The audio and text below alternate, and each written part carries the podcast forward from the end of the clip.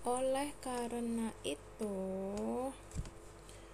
administrasi pembangunan adalah administrasi negara yang berorientasi terhadap pembangunan. Pembangunan di samping itu, administrasi pembangunan juga masih mendasarkan diri atas prinsip-prinsip dan analisis administrasi negara. Beberapa pendapat dan definisi administrasi pembangunan telah dikemukakan oleh beberapa ahli sebagai lahan perbandingan dan untuk memperluas wawasan selanjutnya.